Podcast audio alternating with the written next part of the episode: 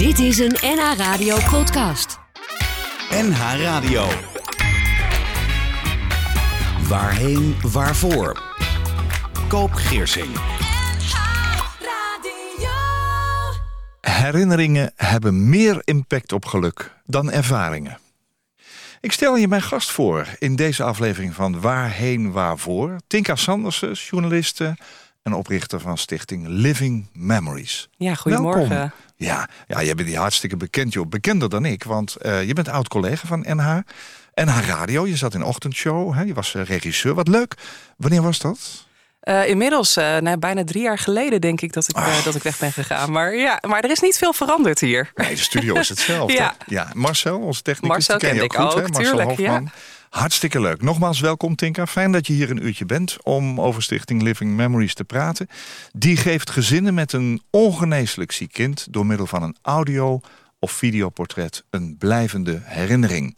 En Stichting Living Memories is opgericht door Tinka Sandersen. In 2005 behaalde zij haar diploma journalistiek. Daarna was ze onder meer werkzaam bij Omroep West, RTL Nieuws, RTV Noord-Holland... En ook maakte Tinka voor de dierenbescherming het tv-programma Kids for Animals. In haar werk bij NH Radio kwam zij in aanraking met de wereld van kinderkanker. Tinka, dan meteen maar even naar de actualiteit. De grote spinningactie die jij had opgezet voor Stichting Living Memories op 21 maart in Sporthal De Waterlelie. Waar trouwens is dat? In Aalsmeer. In Aalsmeer, ja. Ja. Daar kom jij ook vandaan, hè? Daar kom ik ook Ja. vandaan. Ja. Wordt uitgesteld naar zaterdag 3 oktober. W- wat gaat er gebeuren bij zo'n zo'n spinningactie? Nou, we willen eigenlijk zoveel mensen, mogelijk mensen op de fiets eh, hebben. We spinningsfietsen. Ja, spinningsfietsen. Dus je moet je voorstellen, er staat een hele sporthal vol met eh spinningfietsen. Mhm. eh, waar mensen in eh, teams of alleen eh, zes uur de trappers draaiend gaan houden. Ja, Ja, en dat levert iets op. dat, eh, dat leverde vorig jaar eh, een mooi bedrag op. En we hopen natuurlijk dit jaar weer. Hoeveel? Eh, vorig jaar was het, even uit mijn hoofd, 32.000 euro. Maar dat was een hele actiedag. Dus om die spinningactie heen kwam ook de hele regio eigenlijk in actie. Ehm, we hadden toen ook Dylan, onze kinderambassadeur, die, Ja. die 11.000 euro heeft opgehaald. Ja, zijn broertje was overleden. Ja, zijn broertje Owen was vlak daarvoor overleden. Ja, Ja. ja. Nou, dat raakt al helemaal aan het onderwerp. De door jou opgerichte stichting Living Memories geeft gezinnen met een ongeneeslijk ziek kind door middel van een audio- of videoportret een blijvende herinnering. Hoe, hoe kwam je tijdens jouw werk bij NH Radio in aanraking met die wereld van kinderkanker? In die tijd eh, eh, eh, zat ik op Twitter, weet ik nog. En er was een vader die eh, een- dochtertje had met, eh, met kanker en daar eh, blogs over schreef. En die blogs verschenen ook op Twitter. En wat mij in die blogs heel erg opviel was de onwetendheid vooral van mensen om het gezin heen. Zo'n gezin komt in een complete achtbaan terecht. Ehm, en door die onwetendheid ontstaat er ook ruis op de lijn vaak tussen familieleden, tussen vrienden. Hoe dan? Ehm, ja, door, door eh, misvattingen, door niet te begrijpen waar eh, eh, zo'n kind en zo'n gezin mee te maken krijgen. En ik dacht, ja, als, als publieke omroep kunnen we daar een functie in vervullen ook. Hè? Kunnen we informatie geven en laten zien vanuit de binnenkant, dus vanuit echt naast het kind lopen, laten zien wat het doet. Ehm, en zo, eh, zo zijn we gekomen op een radioserie eh, over Chantal van den Brink. Ehm, eh, zij was 12 jaar, 11 jaar nog toen we begonnen. leed aan botkanker. En ja, we zijn eigenlijk met haar meegelopen. Dus ik ben naast haar gaan lopen, zeven maanden lang. Om te laten zien wat doet het nou met haar om kanker te hebben. Maar ook met haar, haar directe omgeving. Wat leverde dat op, die, die gesprekken? Ja, dat was heel intens. Want eh, Chantal eh, vertelde echt eh, zoals een kind dat doet, hè, vanuit haar hart. Dus, dus dat wat ze meemaakte kwam ook naar voren. Ik had met haar wel toen de afspraak... op het moment dat het niet goed gaat met jou, dan geef je dat aan. Jij hebt de regie. En dan ga ik op zoek naar onderwerpen om jou heen. Dus ik ben in die tijd ook in de klas geweest. Heb met de meester gesproken, met de klasgenootjes. Maar ook met opa's en oma's. Eigenlijk is iedereen aan bod gekomen. Ehm, en ook ik had natuurlijk geen idee. Ik had ook geen idee wat gebeurt er nou met een kind en een gezin eh, met zo'n ernstige ziekte. Eh, en dat is heftig. Je ziet een kind eh, in een ziekenhuisbed met een kaalkoppie, eh, wat steeds zieker wordt gedurende die, die zeven maanden. En ja, dat, dat is niet niks. Je bent eh, met haar meegelopen. Um, hoe kwam die afspraak tot stand? Want, want daar moet je toch ook die ouders bij betrekken, denk ik. Ja, ik ben als eerste gewoon naar het Emma Kinderziekenhuis gegaan. Omdat ik dacht Amsterdam dichtbij uh, de redactie. Dus ik heb een, uh, ze, ze, niet gemaild. Want ik dacht nog, ik wil gewoon ze spreken. Ja. Dus ik heb ze gebeld en gezegd, ik wil langskomen met een idee wat ik heb. En zij zeiden, nou kom maar. Dus ik ben er naartoe gegaan. Gesprek gehad met de persvoorlichter, uitgelegd waar ik naar op zoek was. En zij zei, ja, ik vind het een heel mooi idee.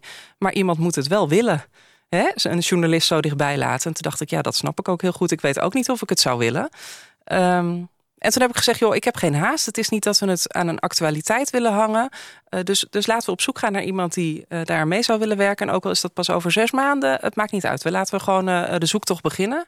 En toen belde ze na drie weken en toen zei ze, joh, er, er is hier nu een meisje wat in de tweede chemokuur zit. En haar moeder wil jou wel graag spreken. Dus ik ben daar naartoe gegaan. Toen ze hebben ik... toch opgepikt daar. Ja, ja, ja, ja. en vrij snel ook eigenlijk wel dus iemand gevonden die dat wilde. En ik was daar ook wel verbaasd over. Dus in het eerste gesprek wat ik met Claudia had, de moeder van Chantal, heb ik gevraagd: waarom willen jullie dit eigenlijk? En toen zei ze ja, omdat het toch gaat over kanker. En stel je voor dat Chantal het niet redt, waar het totaal niet op leek. Op dat moment zat 70% overlevingskans, ging heel goed. Um, uh, maar ze zegt, stel dat het toch misgaat, dan hebben we in ieder geval dit nog. Oh ja. Ja. Dat zette jou aan het denken. Dat zette mij inderdaad aan het denken. Ja. het is een, een document uh, uh, voor het leven. Dan loop je zo'n half jaar mee, hè, zeven maanden. Um, dan ga je natuurlijk enorm hechten ook aan zo'n meisje. Ja en nee. Um, uh, weet je, je doet dit natuurlijk vanuit je vakgebied. Hè? Ik ben uh, ah, journalist, radiomaker. Ja, snap ik allemaal wel. Tuurlijk, het, het raakt je. Ja, dus het raakt je. En ik had ook echt wel een klik met deze mensen. Uh, dus ook met de ouders van Chantal. Um, maar op het moment dat uh, die microfoon aanging, was ik wel aan het werk. En uh, dat is ook wat we nu van onze videomakers ook. Uh, dat weten we bij onze videomakers ook, hè, die zich hebben aangesloten bij onze stichting. Dat op het moment dat die knop van die camera aangaat, ben je aan het werk. En kan je ja. daar toch professionele afstand van nemen. En dat moet je kunnen om dit werk te kunnen doen. Jo, ik begrijp het. Ja. Ik heb dat als uitvaartondernemer elke dag. En toch ga je op een gegeven moment weer naar huis. Dan staat die camera uit, die microfoon is dicht. En dan, uh, ja, dan ga je ook, dan, je bent ook een mens. Ja, zeker. Wat, wat deed dat met jou? Nou ja, uiteindelijk, ik, ik was misschien ook een beetje naïef hoor. Maar ik heb in die hele zeven maanden eigenlijk niet uh, uh, gedacht aan het overlijden van Chantal. Omdat uh, ouders en Chantal zelf er ook echt in stond van... joh, we gaan hiervoor en we gaan gewoon beter worden ja. en het komt goed. Ja. Um, dus toen, ze, toen het uiteindelijk misging, ze ging uh, vlak voordat ze de laatste chemokuur had, kreeg ze een, uh, een scan. Um, uh, daaruit bleek dat ze kankervrij was. Dat was voor de ene laatste chemokuur. En ze ging die chemokuur in en ze klapte onderuit. En in een week tijd was het ineens van kwaad tot erger IC-opname en is ze overleden. Um, en ik ging daar ook gewoon niet vanuit. Ik ging er vanuit, we gaan bijna de laatste aflevering maken. En dat is Chantal gaat na de laatste chemokuur gezond het ziekenhuis uit. En dat ja. is het. Ja. Um, dus ja, ik heb daar ook wel even natuurlijk over in tranen gezeten. En uh, ja, ja. Ja. Dan, ja, dan moet je ook loslaten. Dan heb je ook verlies. Ja, deels wel. En deels... Um, Chantal is een meisje wat ik nooit meer zal vergeten. Dus wat, nee. ik, wat ik altijd mee zal nemen in dus mijn de, hoofd. is de basis ja. uh, een beetje ja. geweest. Hè? Um, nou ja, goed. Ik begrijp best dat je professioneel erin staat. Maar tegelijkertijd word je dus nu ook heel vaak geconfronteerd met de eindigheid van het leven en de eindigheid uh, van de kinderen. Hè? En je zei, uh, of dat zei in ieder geval haar moeder, als het niet redt, dan hebben we dit in ieder geval nog. Um, heb jij nog contact? Jazeker, ja. De moeder van Chantal zit ook in het bestuur van dat de stichting. Ja. Ja, ja, ja, ja, ja, dat contact is gebleven. En toen het idee echt uh, steeds, steeds sterker werd, hè, om die stichting op te richten, ben ik met haar gaan praten. Toen, heb ik, uh, toen zei ze op een gegeven moment, weet ik nog van... goh, ja Tinka, weet je, ik heb, ik heb het nooit meer teruggeluisterd. Dat was uh, vijf jaar na het overlijden van Chantal. Oh, echt waar? Ja, zat de cd's in de kast liggen. En toen zei ik, ja, maar stel nou dat je het niet zou hebben liggen hier. Mhm. Mm -hmm. Hè? Wat, zou, wat zou dat... Toen zei ze, ja, nee, daar moet ik niet aan denken. Alleen al het feit dat het daar ligt en dat ik het kan pakken en terug kan horen wanneer ik wil. Ja. Eigenlijk is dat, is dat al iets. En ja, uh, ja dat, dat vond ik wel heel bijzonder. Ja, ja. Um, Claudia van der Brink, ja. Jullie secretaris is dat, hè? Um, hoe, hoe, kun je uitleggen hoe de organisatie van de stichting ongeveer in elkaar zit? Want dat is al officieel iets. Jij bent eigenlijk de directeur. Ehm, er is een secretaris, er is een bestuur. Hoe werkt het? Er is een bestuur inderdaad. We zijn begonnen met heel klein. Ik was de enige uh, videomaker uh, bij de oprichting. Uh, we begonnen toen met drie bestuursleden. Inmiddels zijn het er uh, vijf. Mm -hmm. De vijfde wordt binnenkort bekendgemaakt. Overigens staat er ja. nog niet bij. Um, maar nou ja, dat, zijn, dat is zeg maar de organisatie. Maar het allerbelangrijkste zijn de bijna 50 videomakers die dit werk doen. Die doen het allemaal ook op vrijwillige basis. Om niet. Uh, ja, want je, ja. het zijn echt mensen die vanuit hun vakgebied werken met beeld en geluid. Allemaal een baan hebben in de media of als filmmaker of als documentairemaker. En in hun vrije tijd uh, deze video's maken. 50. En waar haal je ze vandaan? Overal. Maar melden ze zichzelf? Ga je erachteraan? Hoe uh, heb je dat georganiseerd? In het begin moest ik er natuurlijk achteraan. Hè, want ja. je bent nog totaal onbekend. Dus ik ben begonnen vanuit nou ja, mijn regionale omroepachtergrond. Uh, je kent overal bij alle regionale ja. omroepen ken je wel iemand. Dus ik ben daar begonnen met mijn zoektocht. Uh, alle hoofdredacteuren benaderd. Gevraagd, joh, zijn er misschien verslaggevers hier die dat zou, zouden willen? Um, en uiteindelijk ging het toen een beetje rollen. Want wat je merkt is de ene videomaker, één videomaker kent er weer tien. Uh, die ging vertellen over dit doe ik. En zo ja. kwamen steeds meer mensen ook, uh, ook bij ons. Het is een prachtig vrijwilligerswerk eigenlijk. Ja, zeker. Ja. Ja. Uh, ze lopen allemaal mee dus met, met kinderen. Hoe krijgen jullie uiteindelijk de opdrachten? Die komen voornamelijk binnen via zorgverleners. Dus via kinderverpleegkundigen in ziekenhuizen, maar ook ZZP'ers. Via pedagogisch medewerkers, via uitvaartondernemers ook. Um, uh, die melden de kinderen bij ons aan. Soms ook zijn het ouders zelf die het doen, maar meestal komt het via de zorgverlenerskant ja. binnen. Dus ja. soms ook ouders zelf? Ja. Maar ja. nog niet veel? Niet veel. En dat heeft er ook mee te maken dat uh, de stap naar ons toe een hele grote is. op het moment dat wij komen, dat wij ingeschakeld worden, betekent dat iets. En die drempel over is, ja, dit, dat, die is heel groot. Ja, dat herken ik wel. Ja. ja. Ik heb jou gevraagd om drie liedjes mee te nemen. Drie liedjes die misschien op jouw eigen uitvaart te horen zullen zijn. Um, hoe stond je daarin? Was dat een lastige keuze te maken? Uh, ja, want ik heb daar wel over nagedacht. Kijk, ik ben uh, 36, dus heel veel over mijn eigen uitvaart nadenken doe ik niet. Maar toen jij dat vroeg, ging ik dat wel doen. En ik, ik uh, dacht, ja, ik wil eigenlijk helemaal niet mijn eigen uitvaart organiseren. Ik hoor tegenwoordig dat heel veel mensen dat natuurlijk wel doen. Hè? Heel erg aan het nadenken zijn over hoe wil ik het hebben. Ja. Ik sta daar toch een beetje anders in. Want ik Waarom? vind. Nou, omdat ik vind dat mijn afscheid iets is voor de mensen die ik achterlaat. En ik wil dat zij um, op hun manier afscheid van mij kunnen nemen. Uh, en daar zou ook, wat mij betreft, de muziek bij horen. Uh, dus wat ik heb gedaan is toen jij het vroeg, uh, nou ja, de mensen om mij heen benaderd en gezegd: wat, wat voor nummer doet je nou aan mij denken? Of zou jij uh, willen horen uh, op mijn afscheid? Wel een heftige vraag bijna. Een heftige vraag, ja. maar ik vond ook wel weer, het was, er kwamen ook hele mooie antwoorden op. Dus dat ja. was ook wel weer interessant om uh, te zien wat voor nummers mensen dan aan mij koppelen of waar ze, nou ja, wat ze aan mij doet denken. Ja, ja. ja. We gaan het eerste liedje wat jouw rijtje van drie aanvoert. Ramses Shaffi, waarom? Ja, die, die, stuurde mijn vader. En ik moet eerlijk zeggen dat ik toen ook wel even een traantje moest wegpinken. Want um, uh, mijn vader die zei, ja, ik wil dit nummer voor jou. Omdat jij durft je eigen keuzes te maken. En jij durft je eigen weg te gaan. En dat is niet iets wat iedereen, wat iedereen kan en iedereen doet. en dat vind ik enorm bij jou passen. Mens durft te leven.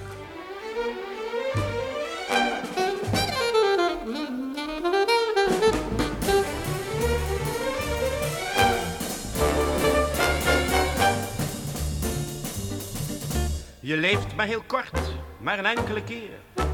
En als je straks anders wilt, kun je niet meer. Mens te leven. Vraag niet elke dag van je korte bestaan. Hoe hebben mijn pa en mijn grootpa gedaan? Hoe doet hem een neef en hoe doet hem een vriend? En wie weet hoe of dat nou mijn buurman weer vindt? En wat heeft het fatsoen voor geschreven? Mens te leven. De mensen bepalen de kleur van je das, de vorm van je hoed en de snit van je jas en van je leven. Ze wijzen de paadjes waar langs je mag gaan en roepen oh foei als je even blijft staan. Ze kiezen je toekomst en ze kiezen je werk. Ze zoeken een kroeg voor je uit en een kerk en wat je aan de armen moet geven. Mens is dat leven. De mensen, ze schrijven je leefregels voor. Ze geven je raad en ze roepen in koor. Zo moet je leven. Met die mag je omgaan, maar die is te min. Met die moet je trouwen, al heb je geen zin. En daar moet je wonen, dat eist je fatsoen. En je wordt genegeerd als je het anders zou doen. Alsof je iets ergs had misdreven. Mens is dat leven. Het leven is heerlijk, het leven is mooi. Maar vlieg uit in de lucht en kruip niet in een kooi. Mens durft te leven. Je kop in de hoogte, je neus in de wind. En lap aan je laars, hoe een ander het vindt. Hou een hart vol van warmte en van liefde je borst. Maar wees op je vierkante meter een borst. Wat je zoekt kan geen ander je geven.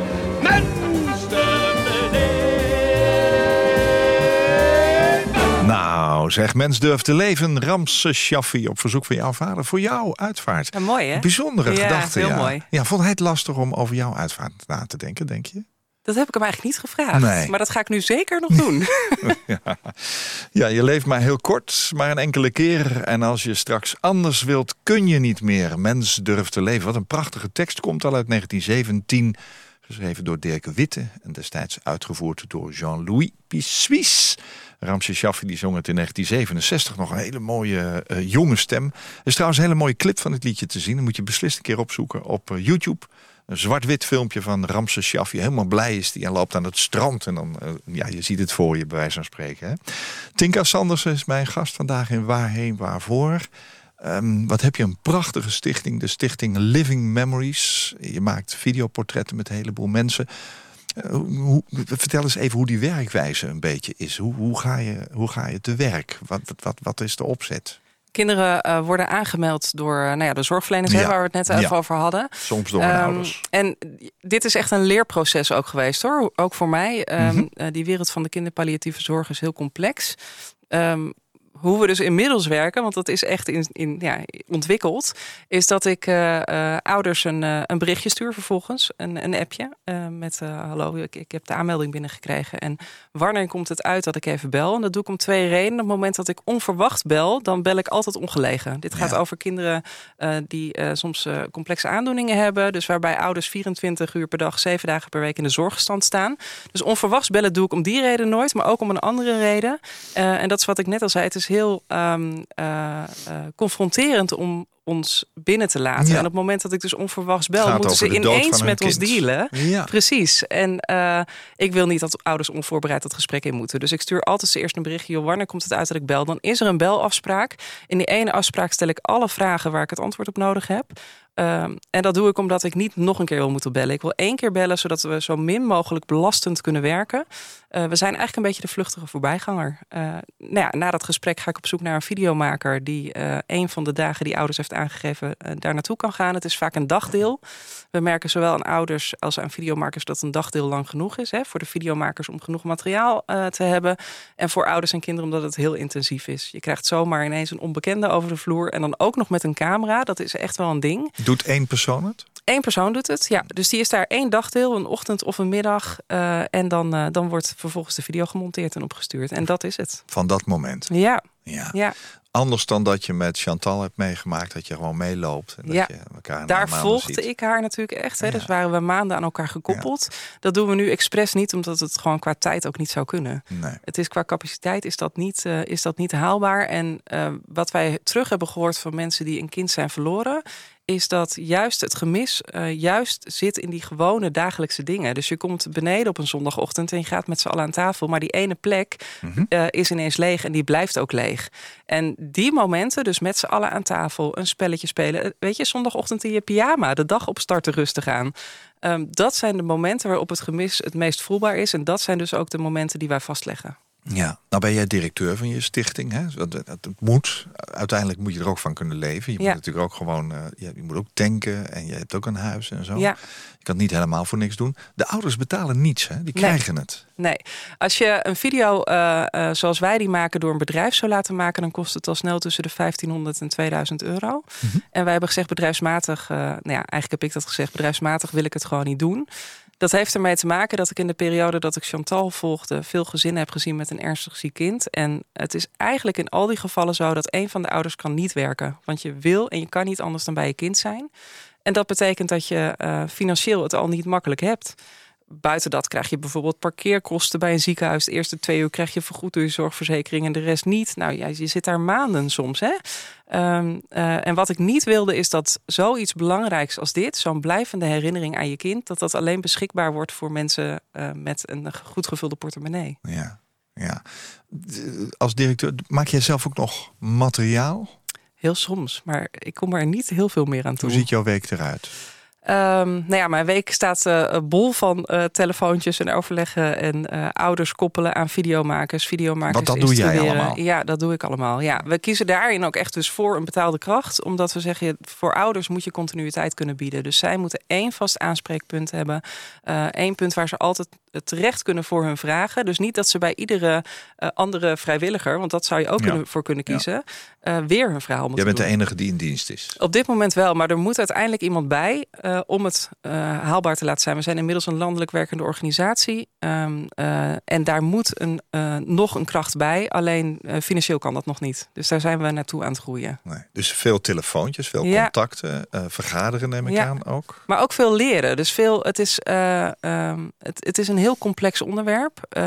ik krijg bijvoorbeeld van heel veel zorgverleners de vraag... ja, wanneer is nou het moment waarop we bij ouders moeten beginnen over jullie. En dan zeg ik altijd, ja, dat is voor ons eigenlijk niet in te schatten. Want wij kennen het gezin niet waar het over gaat. We weten niet wat ze hebben meegemaakt, waar ze naartoe gaan. We weten, al dat soort dingen weten we niet. Maar daaraan merk je dat het ook voor zorgverleners nog een heel lastig onderwerp is om over te beginnen. En ja. dat zijn allemaal dingen waar we nu mee op de achtergrond mee aan het werk zijn. Hoe kunnen we uh, uh, dit makkelijker maken? Zowel voor zorgverleners als voor ouders als voor videomakers. Zijn er voorbeelden in Nederland van organisaties die hetzelfde doen als jij? Video's maken niet. Nee? Nee, foto's maken wel. Uh, er zijn een aantal stichtingen, er is een aantal stichtingen dat dat, uh, dat, dat doet. Maar het verschil met dat uh, gedeelte foto's maken is, zij komen vaak in de terminale fase. Dus echt de eindfase of als het kind al is overleden. Wij komen het liefst een fase eerder, omdat we het kind graag willen vastleggen zoals het is. En juist in die fase is het moeilijk om over ons te beginnen. Omdat je nou ja, soms de reactie krijgt, ja maar mijn kind gaat echt nog niet dood. Nee. Um, en, en, nee, dat, dat proberen we ook niet te zeggen. Maar we zeggen wel, leg het toch maar vast. He, want dan heb je het kind zoveel mogelijk zoals het is. Er zijn aandoeningen bij waarbij je kind steeds slechter wordt. Uh, uh, en dan wil je uh, juist op een moment komen dat het misschien nog wat kan vertellen. Of dat het nog ja, doet zoals het altijd deed. Ja. ja, gewoon even een kijkje in dat, moment, ja. in dat normale, zeg ja. maar. Ja. ja. Dus je bent de enige in Nederland die dat op deze wijze doet. Klopt. Ja. Um, ja, dat geld is wel een ding, hè? Ja. Ja, hoe kom je daaraan? Nou ja, we zijn een officieel erkend goed doel. Dus we hebben het CBF-keurmerk. Daar zijn we. Wat is dat? Uh, dat is het keurmerk voor goede doelen. Dus er zijn 500 erkende goede doelen, even uit mijn hoofd in uh, Nederland. En, en je wat... bent er eentje van? Wij zijn daar één van. Okay. Ja, na een jaar hadden we dat keurmerk. En Ja. we zijn daar wel, oh, wilden dat heel graag, omdat eh, voor donateurs en sponsors het heel belangrijk is om te laten zien. Eh, we doen alles zoals het hoort. Hè? Dus we worden door het CBF gecontroleerd. We moeten ook einde van deze maand moet er jaarrekening daar naartoe. Worden alle stukken gecheckt. Klopt het? Maar klopt ook het bedrag wat je besteedt aan doelbesteding? Hè? Dus gaat het grootste gedeelte van wat, wat geld wat je ophaalt ook daadwerkelijk naar het doel? Ehm, daarin worden we helemaal gecontroleerd. Maar we zijn afhankelijk, volledig afhankelijk van sponsors en donateurs. Ja, hoe kom je daaraan? Uh, door te praten. En ik moet heel eerlijk zeggen, ik ben geen fondsenwerver. Ik vind dat een gedeelte van het werk wat Heb je ik dus nu doe. eigenlijk ook nodig in je organisatie? Ja, ja, ja, je ziet natuurlijk goede doelen die, die hebben gewoon afdelingen fondsenwerving. Ja. En die halen het geld op en, en uh, uh, ja, worden daarvoor natuurlijk ook voor betaald. Um, ik zou daar op zich niet naartoe willen hoor. Ik zou niet zo groot willen worden dat we uh, dat nodig hebben. Ik denk ook dat het niet nodig is. Ja, maar ja, daar zeg je iets hè.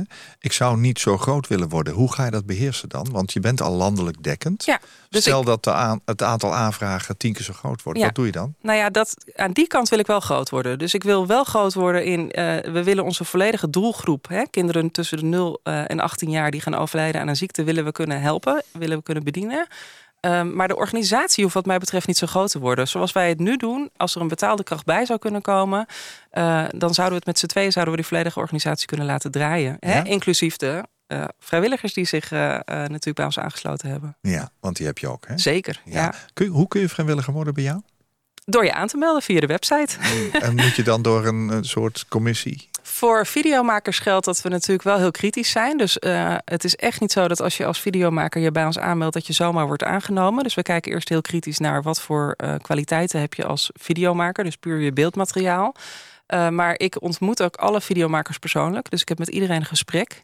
Uh, om ook af te tasten, past dit werk bij jou? Hè? En pas jij bij onze organisatie? Oh ja. Ja. Uh, want we vragen wel wat van je. We vragen van je dat je dat stapje terug kan doen op het moment dat je bij een gezin uh, bent. En dat je die fly on the wall kan zijn. Dus dat je voor elkaar kan krijgen dat een gezin eigenlijk na een half uurtje vergeten is dat jij in de kamer staat. Uh, en daarvoor moet je zelf een stap achteruit kunnen doen. En dat zit ook niet in iedereen, iedereen's persoonlijkheid. Dus nee. ook daar kijken we naar. Ja, dus je zegt ook wel eens tegen iemand: jij niet. Zeker. Oh. Ja. ja, zeker. Ja. ja. ja. Ja, dit, ik vind ook wel dat ik dat verplicht ben naar, naar de ouders die zich ja. bij ons melden. Ja. Het eindresultaat. Dat we een bepaalde kwaliteit hebben. Nou, je, je, vader had voor jou een liedje uitgekozen, Mens durft te leven. Het blijkt wel uh, eigenlijk uit jouw hele verhaal hoe belangrijk dat ook is. Want je merkt natuurlijk aan elk moment van de dag en aan elk filmpje wat je ziet... hoe belangrijk het is om iedere dag te pakken. En de dag uit het leven van dat kind wat uh, jullie vastleggen... is voor die ouders uh, later ook heel erg belangrijk. Het tweede liedje is van Agda en de Munnik in jouw, um, zeg maar, drie liedjes die je hebt uitgekozen... of hebt uit laten kiezen in jouw geval voor je uitvaart. Waarom Agda en de Munnik? Wie heeft dat uitgekozen? Uh, mijn man. Uh, Peter. Maar, ja, Peter. Um, en het gaat om het liedje Suiker en Azijn. En mm -hmm. uh, dat is eigenlijk ook een beetje hoe het leven eruit ziet. Hè? Het leven is suiker en azijn. Soms is het een feest en soms staan we op de dansvloer. En soms zit het even tegen. En dat is hoe het leven hoort. En wij hebben elkaar daar ook wel heel erg in gevonden. Dus kunnen uh, samen juichen, maar kunnen ook samen huilen. En dit lied kunnen we ook enorm hard meezingen in de auto samen. Ja? ja.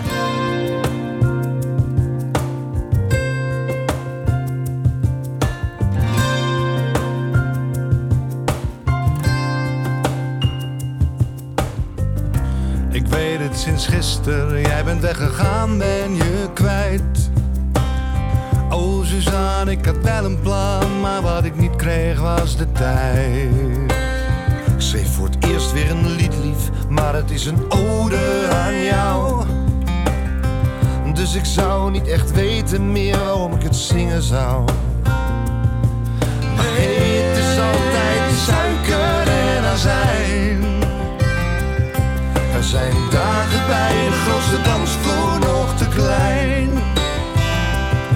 Zijn er ook juwelen die verdrinken in chagrijn. Oh, maar ik dacht altijd dat je bij me zou zijn.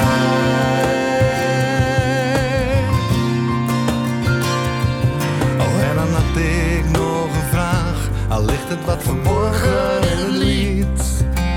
Mijn lijf doet pijn alsof het tijd zou zijn dagen van zijn lief. Dus ik vraag je, mocht hij bestaan? Zeg hem dan dat ik alleen ben hier en ik neem elke hulp graag aan. Het is altijd suiker en azijn. Er zijn dagen bij de grootste dansvloer nog te klein. Er zijn er ook juwelen die verdrinken in chagrijn.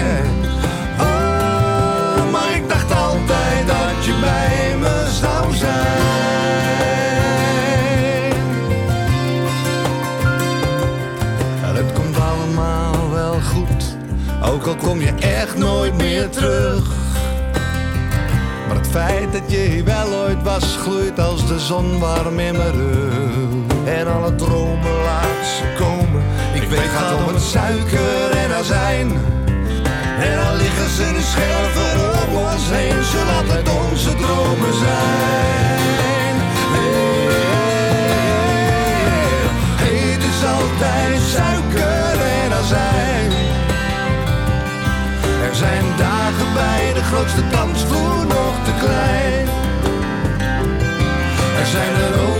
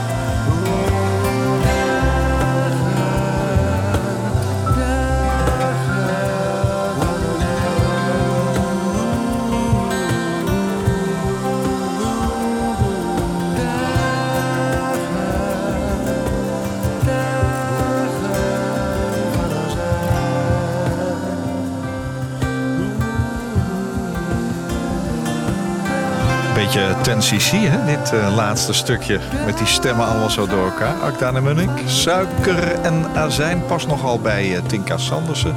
Vindt Peter haar man. Eh, nou, eigenlijk bij jullie heb je net verteld. Ja.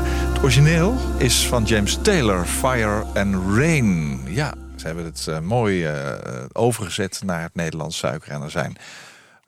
Tinka Sandersen, mijn gast. Voel je alweer een lekker een beetje terug? Want je hebt bij NH gewerkt. Ja, je hebt in deze studio gezeten op een ander stoeltje, hè? Ja, die tegenover. Ja, ja. want je deed de ochtendshow als regisseur. Eerste ochtendshow. eh, het laatste aantal jaar eh, eh, de eh, avondshow of de middagshow, zeg maar, van 4 tot 7. Ja, Ja. ja mis je dat? Nee. Als je nu weer terug Erg, hè? bent? Nee. Mag ik Nee. dat hardop zeggen hier? Ja, graag. Nee, ik Ja. mis het niet. Omdat ik wat ik op een gegeven moment ging missen in mijn werk als journalist. Ik, ik ben ooit journalist geworden omdat ik dacht ik kan iets bijdragen aan, aan de wereld. Hè? De wereld mooi. laten zien hoe het in elkaar zit. Ehm, en dat, dat lukte me uiteindelijk toch niet in mijn werk. En, eh, Waar zat hem dat in dan? wat- ja, Wat vind nou je dan ja. zo belangrijk daaraan? Wat, wat ik belangrijk vind is dat ik. eh, ehm, of als je het hebt over een doel in je leven, ja, heb je een doel in je leven? Nou ja, wat, wat ik graag wil is eh, ehm, eh, een ander iets kunnen geven. Hè? Eh, als ik kijk naar, naar mijn Sinterklaasvieringen, ik, ik geniet vooral van het- het zelf iets knutselen aan iemand anders kunnen geven. Daar geniet ik zoveel meer van dan hetgene wat ik krijg. Waar komt dat vandaan dan? Ja, dat zit in me. Dat, Ja. ja. waar komt dat vandaan? Ja, dat, dat, dat zit in je, denk ik. Wilde je vroeger als journalist worden, als klein meisje? Nee, ik ben ook eerst bij allerlei maatschappelijke studies gaan kijken om te kijken of ik daar iets mee kon. Maar Oh ja. het verzorgende deel, dat, dat past niet bij me.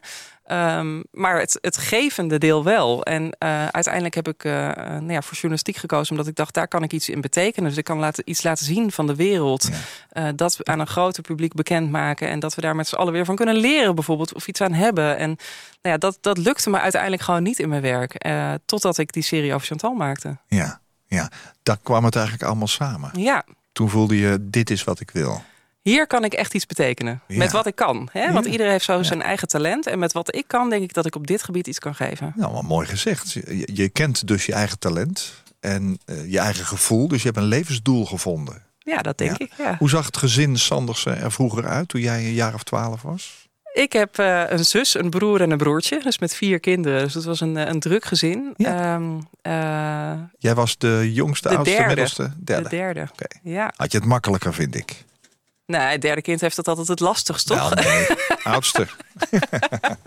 vind ik hoor. Ik denk dat alle kinderen dat weer over hun eigen positie zullen Ja, zeggen. Uiteraard. Ehm, nee joh, het ging, eh, het, het, ik had een heel goed gezin, een heel warm gezin en alles kon wel. En eh, weet je, we gingen eh, lekker op vakantie naar Frankrijk ieder jaar. Daar heb ik prachtige herinneringen aan. En wat ik mooi vind is als ik met mijn broers en zus eh, het over dat soort herinneringen heb, dan merk je dat iedereen toch weer zijn eigen kijk erop heeft gehad ook. en dat is ook weer mooi om nu te delen. Ja. Ja, Je hebt zelf ook een gezin. ja. Ehm, twee kinderen, twee meisjes. twee meisjes. Ja. Hoe gaat het met ze? Het gaat hartstikke goed met ze. Ja. ja. Hebben jullie het dan thuis ook over het onderwerp wat je eigenlijk met jouw stichting Living Memories ook dagelijks bezigt, namelijk eh, doodgaan? Eh, ja, dat wil zeggen niet. eh, we hebben het met de kinderen daar ook wel eens over gehad. Hè? Dus de oudste van vijf is een hele slimme tante. En die kwam natuurlijk op een gegeven moment ook zelf in een fase waarin ze ging begrijpen dat, dat wat leeft ook dood kan gaan. En daar zijn we wel ook heel open over. Dus we zijn heel open over dat het kan zijn. Dat je, nou ja, dat iedereen gaat een keer dood. Dus, dus ik ga ook een keer dood. En eh, eh, ze zegt wel altijd van eh, oma gaat het eerst, hè, want die is het oudst. Dus dat is ook de volgorde die logisch is. Dat is de volgorde die, lo- die logisch is. En ik geef altijd het eerlijke antwoord: dat zou kunnen, maar het hoeft niet. Nee. Ehm, zonder dat ik er bang wil maken. Want dat, weet je, maar ik denk juist als je er open over bent, dat dat juist ook heel veel angsten bij kinderen weg kan nemen. Als je erover praat, Ja. dan ja. Kinderen gaan er ook veel makkelijker mee om, vind ik altijd, als volwassenen. Ja, en praat je er niet over, dan maken kinderen hun eigen plaatje ervan in hun hoofd. En die, dat is vaak erger dan de werkelijkheid. Kan het alleen maar met je eens zijn. En met Peter, heb je het daar ook over? Ja, nu zeker. dan even over deze, hè, omdat je deze liedjes wilde weten. Ja. Maar, maar überhaupt, is het een onderwerp wat je ook met hem bespreekt? Nou ja, Peter is eh, 19 jaar ouder dan ik ben. Mhm. Ehm, eh, en we zijn begonnen met onze relatie. En toen, heb, toen zeiden mensen wel eens van... ja, maar ja, weet je, ja, de kans dat hij eerder doodgaat is toch wel groot. En toen heb ik Zeiden altijd- mensen dat? Ja, serieus, Oh ja. ja. En toen dacht ik altijd van... ja, maar ja, ik kan, ik kan morgen ook onder een bus lopen... en dan ben ik er niet meer. Dus, Mhm. dus leeftijd zegt mij daar niet zoveel. Behalve dat ik eh, eh, wel me realiseer dat... Nou ja, als we allebei gezond blijven... dan, dan is hij er eerder niet meer dan ik. Ja. Eh, en toch zou ik dan nog steeds hetzelfde gekozen hebben. Dus ik ben nu al zo dankbaar en blij met de jaren die we tot nu toe hebben gehad. Dat ik, Ja. dat ik altijd die keuze weer opnieuw zou maken ook. Betekent het dat je ook thuis eh, kunt praten over de dingen die je in je werk meemaakt en die je eventueel meeneemt? Absoluut. Ja, Ja, absoluut. dat is wel fijn. Ja. Praten de kinderen die jullie volgen, ik zeg nu maar even jullie, want al die videomakers zijn daarin natuurlijk heel erg belangrijk. Praten die ook over hun ziekte en, en ook dat ze misschien wel doodgaan? Wij, Zit dat wij in praten daar niet over. Dus wij hebben, we hebben eh, niet heel veel, eh, nou ja, dat wil zeggen, we hebben wel een aantal eh, regels. klinkt zo streng, hè? Een format. Ja, voor Ja. videomakers. En een van de dingen die daarin staat is dat we niet met de kinderen praten over hun ziekte of hun dood, behalve wanneer ze er zelf over beginnen. Oh ja. Eh, en dat is omdat we geleerd hebben van eh, nou ja, de professionals dat eh, kinderen de boodschap, nou ja, weet je, het is eindig. Hè? Vanaf een bepaalde leeftijd wordt die wel gegeven. Vanaf onder een bepaalde leeftijd ook niet. Want dan is voor kinderen het concept dood nog. De eeuwigheid snappen ze nog niet. En het concept dood is gewoon te, te die ingewikkeld. Ehm, nou, wat ik heb begrepen is dat zo'n beetje wanneer je kan klok kijken. Heeft het daarmee te maken? Oké. Eh, dan ga je het begrip tijd snap je dan namelijk. En Oh ja. ga je- daarmee ga je ook de eindigheid begrijpen. En Hoe oud ben je dan? Goh, Ja, dat is verschillend, denk ik hoor. Ja? Ja, ik denk een jaar of zeven, acht misschien. Ja. Ehm, Ja, klok kijken is dus. Nee, dus, dus, die regel, dus die regel hebben Ja. we. Je mag niet. Ja. eh, kijk, wij- zijn er natuurlijk ook om het leven vast te leggen. Dus Ja. wat ik altijd zeg tegen de videomakers is zoek. eh, als je een kind kan interviewen, wat lang niet altijd kan, Ja. eh, zoek naar wie ben jij en, en wat vind je leuk en waar Ja. hou je van. En Ja. als, je een, als je een dag de baas mag zijn in een huis, wat, wat zou je dan gaan doen? Want dat zegt iets over wie jij bent. Je ziekte zegt niets over wie jij bent. Nee, nee. Kom je ehm, ouders persoonlijk tegen? Je belt ze, je appt ze, je belt ze. Dus ik, eh, ik spreek alle ouders. Eh, ik zie ook alle video's voordat ze eh, naar ouders worden gestuurd. bent een hoofdredacteur. Ja, Ja. ja. Ehm, maar ik ontmoet niet alle ouders. Sommige wel, omdat er eh, eh, heel fijn eh, ouders zijn die, die zich voor ons in willen gaan zetten. Ja. Dus die begrijpen natuurlijk zo goed de waarde van wat wij maken dat Ja. ze zich in willen zetten. En Ja. daarmee ontmoet ik zeker ook wat ouders. Wat, wat tref je dan aan? Zijn ouders, zou je gemiddeld kunnen zeggen, vooral heel sterk en flink? Of maak je ook heel veel verdriet mee? Het is beide en het is een golfbeweging. En het ene moment gaat het heel slecht en het andere moment gaat het weer wat beter. Ja. En dat eh, rouw is oneindig. Het is niet zo dat je na een jaar uitgerouwd bent en alles wel een keer gehad hebt, hè, wat veel mensen toch denken. Ja. Eh, nee, dit gaat altijd door. En zeker als het gaat ook over het verlies van je kind. ja. Wat een heel heftig onderwerp Wat een is. heel heftig onderwerp is en wat je de rest van je leven bij je draagt. Ja, dat is zo. Derde van de drie liedjes die jij vandaag hebt aangedragen is eigenlijk een hele vrolijke. Maar Ja. is ook eentje die stilstaat bij eh, alles wat mooi is in het leven. Ja, die heb ik zelf uitgekozen. Want ik dacht, doe er ook één zelf. Ja. Ja, van Guus Meeuw is eh, proosten. Want eh, als ik zou overlijden, hoop ik dat, zeker ook voor mijn kinderen, hè, dat, dat is hoe ze het leven kunnen zien. En het leven is zo kort en maak er wat van en geniet ervan en proost op het leven.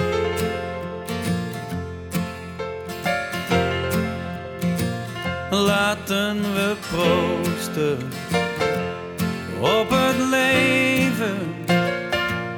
Laat het leven je omarmen. Sla je armen om de liefste. Want de liefste, dat ben jij.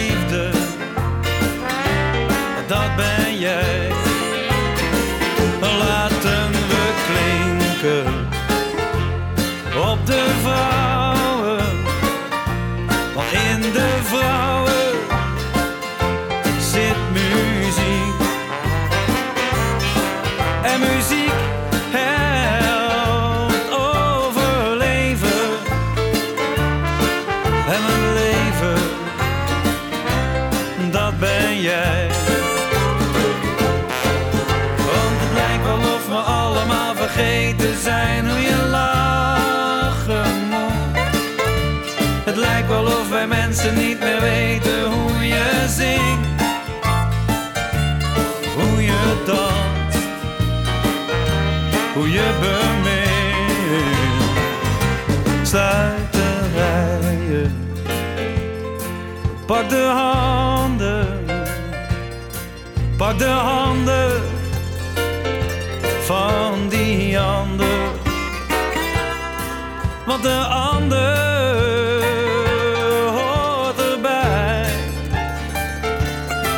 jij hoort bij jou en mij.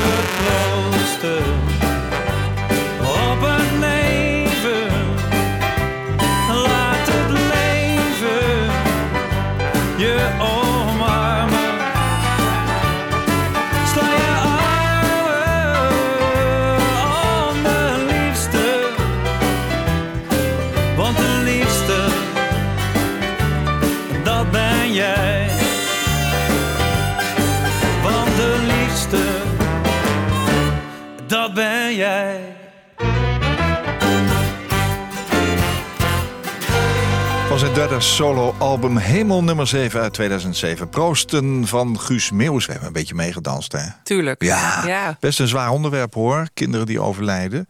Maar ook eigenlijk, ja, dood en leven gaan natuurlijk altijd samen. Hoort niet bij kinderen, vind ik. Jij hebt zelf twee kinderen. Ehm, hoe heten ze? Mag, mag- mogen we wat zeggen? Guusje en keken. Guusje en Keken. Ja. Guusje, dat snap ik. Keken, waar komt dat vandaan? Nou, keken, dat eh, Hoe schrijf je dat dan? K-E-K-E. Eigenlijk de enige Oh. manier. Ja, ja, ja, journalist, hè? Nee. ik dacht dat het woord cake. Nee, ja, keken. Ja. Ehm, eh, we hadden heel eerlijk gezegd eigenlijk een andere naam. Maar ehm, een collega van ons had eh, vlak voordat onze Guusje werd geboren, kreeg een dochter. En eh, die heette Guusje. En toen hebben we altijd getwijfeld bij Guusje, moeten we dat nou wel doen? En toen hadden we de naam voor de tweede in ons hoofd. En toen kregen we een mailtje van diezelfde collega. En je gelooft het niet, die naam. dus die naam hebben we uiteindelijk niet gekozen. Toen zijn we gaan zoeken, ja, wat willen we dan? En toen kwam een vriendin van mij met, joh, ik ken een meisje, in, eh, dat meisje heet Cake. En dat vind ik zo bij jullie passen. En we vonden het prachtig. Ja. Jouw twee meisjes noem je twee wonders. Ja, En dat jij mocht krijgen het moment dat je ze voor het eerst zag, dat, dat vond je niet zo vanzelfsprekend. nee. Ehm, hoe spelen jouw kinderen een rol in wat je voor de stichting doet? Ehm, ja, weet je, als ik naar mijn kinderen kijk, dan eh, realiseer ik me eigenlijk eh, iedere dag weer hoe fijn het is dat ze er zijn en dat ze gezond zijn. En dat ze, Ja. Eh, dus ook als ze boos zijn of jengelig of uh, Keek is drie, die staat natuurlijk nog wel eens echt te stampvoeten hè, als een echte peuter. Terecht. Eh, Ja. Totaal ook eh, eh, ongrijpbaar voor mij soms. Ehm, maar ik ben wel elke dag eh, blij met wat ik heb. En dat heb ik wel meer geleerd door het werk wat ik nu doe. dus ik, durf, ik kan veel meer kijken naar het hier en nu en eh, het genieten van de kleine dingen. Want die kleine dingen die zijn zo belangrijk. Dat krijg je terug dus. Ja. Ja, mooi hoor.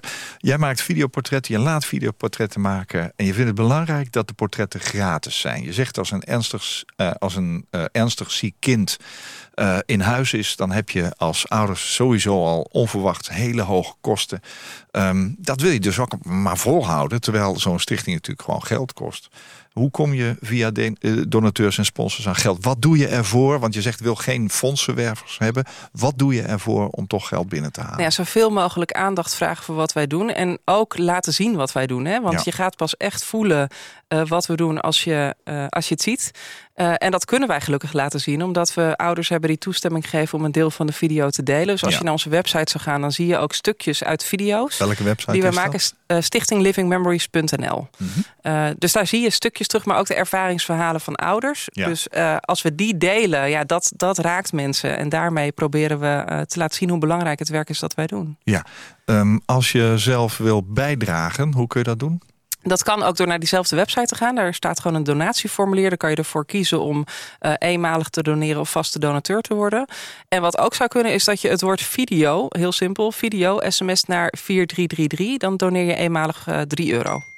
4333. Ik hoor hem al Ja, ik binnenkomen. hoor- We hebben meteen al eh, gestort. Ehm, eh, dat is een sms'je. Als je een actie op wil zetten, is dat altijd goed? Of moet dat in overleg? Zeker, nee graag. Eh, we hebben een eh, aparte actiewebsite. Dat is herinneringenmaakjesamen.nl. Eh en daar kan je wat je ook gaat doen. Dus ga je wandelen, wandel je veel in het weekend, doe je mee aan wandeltochten, geef je wandelteam op. Je kunt zelfs een shirt van ons krijgen met ons logo erop. Ehm, eh, ga je lege flessen inzamelen als kind, hè, want veel kinderen doen dat hartstikke leuk. Of organiseert je school iets. Ja, weet je, je kan het allemaal daar, daar opgeven en doorgeven. En ouders van kinderen die ongeneeslijk ziek zijn, kunnen die zich ook zelf melden? Zeker. Ja, Ook die vinden zich ook, via de website Stichting Living Memories. Wauw, wat mooi. Nou, eh, eh, belangrijk werk wat je doet. Ik moet zeggen, ik heb heel veel bewondering daarvoor. Eh, het is natuurlijk ook een, een, vorm van eh, iets zomaar voor een ander doen. Eh, zonder daar een tegenprestatie voor te vragen. Fantastisch. Videobeelden van je overleden kind zijn voor veel ouders van onschatbare waarde. Speciaal voor hen heeft eh, Tinka Sandersen Living Memories opgericht. Een stichting die gezinnen met een ongeneeslijk ziek kind... door middel van een audio- of videoportret een blijvende herinnering geeft. En Stichting Living Memories biedt de video- en audioportretten... ik zeg het nog maar een keer, kosteloos aan... maar is wel volledig afhankelijk van sponsors en donateurs. Nou, ik vind het hartstikke mooi. Dank je wel voor je verhaal. Ja, bedankt dat ik hier mocht zijn. Joh, je bent meer dan welkom. En ik hoop dat je er nog heel, heel, heel veel eh, eh, maakt. En dat heel veel mensen op die manier terug kunnen kijken... in een gewoon moment in het leven van hun kindje. Dat hoop ik ook, dankjewel. Alle goeds. Koop Geersing. Als jij een keer te gast wilt zijn in Waarheen Waarvoor... om te vertellen over jouw levensreis, laat me dat dan weten... via waarheenwaarvoor.nhradio.nl waarheenwaarvoor.nhradio.nl Dit was een NH Radio podcast. Voor meer, ga naar nhradio.nl. Radio.